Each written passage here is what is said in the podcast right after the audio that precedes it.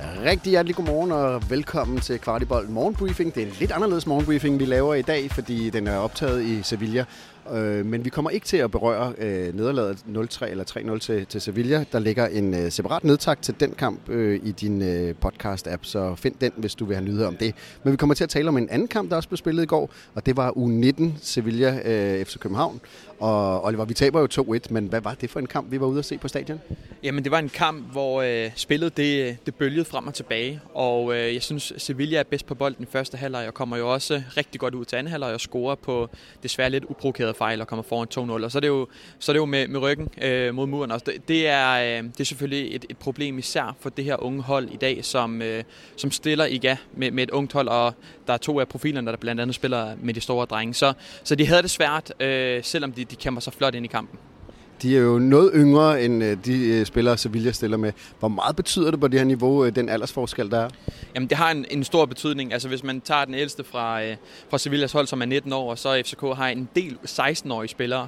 Og i det spænd, så sker der bare rigtig meget med fysikken. Øh, og, og det er selvfølgelig en, en, en kæmpe fordel for, for et hold, som gennemsnit har, har måske et år eller mere øh, på banen, øh, selvom jeg synes, at FCK de gør det rigtig godt. Men de mangler bare nogle profiler. Altså William Klem og Valdemar Lund betyder så meget for det hold, selvom Valdemar begynder nu at spille med, med scenerne sådan nogenlunde fast. Øh, så er det bare nogle profiler, man tager ud, og de spillede blandt andet i, øh, i den første kamp øh, på, på hjemmebane, som de jo vender forholdsvis sikkert. Så, så det er selvfølgelig ærgerligt, øh, men jeg synes, drengene de, de kæmper så godt ind i kampen, især når man tænker på, at den modgang de har. Vi øh, vandt jo hjemme øh, forholdsvis overlegen. Hvad var forskellen på de to kampe her?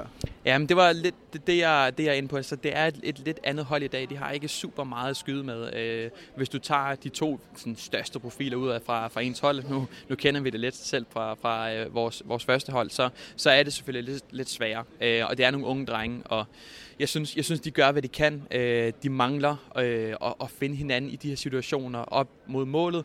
Øh, der er tegninger ting, til tingene, men de får ikke sådan skabt en helt stor chance, og det er selvfølgelig ærgerligt. De scorer sig op det her straffe og får lagt et tryk til sidst. Øh, men øh, der var også nogle ting, som, som gik lidt imod dem, blandt andet dommeren. Ja, det er jo nærmest usædvanligt, at FCK scorer på straffe, men det kan de unge i hvert fald finde ud af. Det halter lidt mere på, på selve A-holdet. Øhm, det, vi tabte jo 2-1, og det var jo ikke, vi var ude at se kampen på stadion, det var ikke fuldstændig uretfærdigt resultat, men, men måden Sevilla vinder på er noget af det mest usædvanlige, jeg nogensinde har set, fordi øh, det var øh, et langt tidstrækkeri, efter de kommer foran både 1-0 og 2-0. Der lagde øh, de sig simpelthen ned, øh, spillerne, Sevilla-spillerne, og jeg tror, at, øh, at øh, de folk, der skal ind og tilse dem, de var på banen en, en, en 10 gange eller noget af den stur. Altså, det, kan du prøve lige forklare, hvad, hvad, hvad, hvad det påvirker, hvordan det påvirker kampen? Jamen et, altså det er jo mega frustrerende, at øh, blandt andet deres målmand ligger sig ned efter 60 minutter, altså det vi snakker om målmanden, der får krampe. Øh, han fik selvfølgelig ikke krampe, øh, men, men det er, det, jeg synes, det er usympatisk, og jeg synes, øh, det ligger lidt til den spanske stil. Jeg synes, det er rigtig, rigtig ærgerligt, øh, men, men det, det, det er den måde, de gør det på, og det er betingelserne, men det der så er, det er, at dommeren også skal håndtere det her bedre. Det, det synes jeg ikke, han gør. Øh, de ligger jo ned ja, minimum 10 gange, og øh, det, han ender med at lægge 6 minutter til. Og det bryder bare øh, rytmen for FCK, der prøver at komme ind i kampen og egentlig har momentum. Men når lige så snart der er en lille berøring, så ligger de så ned, og de får krampe, og de ruller jo rundt. Altså de ruller seriøst rundt i lang tid, og igen, den her med, at man ikke får lov til at fortsætte det spil og det momentum, man har oparbejdet, det er bare det er super, super nederen. Øh, og det er svært især for sådan nogle unge drenge, som måske ikke har den her rutine. Altså, jeg har aldrig set noget, og jeg sad på tilskuerpladserne og ellers normalt forholdsvis rolig, men jeg, jeg var helt oppe i et røde felt, fordi det, det, det var simpelthen øh, noget af det mest usympatiske og usportslige, jeg har set. Og der sker jo også det, Oliver, at, at da kampen er slut, så er der jo kæmpe tumult øh, mellem FCK og, og Sevilla, og de er jo nærmest øh, ved at komme op og slås, også nede i, i spillertunnelen. Øh, altså, det, der, der var i hvert fald k i, i, i den.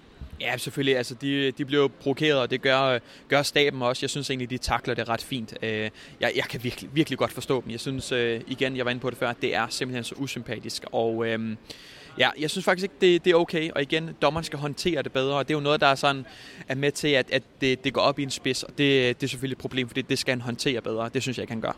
Og jeg snakkede lige med et par U19-drenge, som var inde at se, øh, hvad hedder det, FCK Sevilla, den, den øh, hovedkampen. Øh, og øh, de var selvfølgelig faldet ned på det tidspunkt, men, men de synes jo, at, at måden, at øh, Sevilla håndterede det på, var, var drønuretfærdigt. Men øh, det, det her resultat, det ændrer jo ikke på, at FCK stadig har rigtig gode muligheder i, i Youth League. Ja, altså de, øh, der er en kamp tilbage nu, og øh, de møder øh, Dortmund, som, som vores A-hold også gør, og øh, de slog dem dernede, og de kan nøjes med, med et point. De kan nøjes med at spille uafgjort, og så, så går de videre som toer. Så øh, det, det bliver spændende, og øh, jeg synes, man skal støtte op om det. Og så, hvis man har mulighed for det, så kom ind og se øh, den U19-kamp, fordi det bliver rigtig, rigtig spændende på Østerbro Stadion, før at, øh, vi skal over i parken og se den anden bagefter. Og hvordan ser du FCK's chancer for at, at tage en uafgjort med hjem med, mod, mod Dortmund hjemme?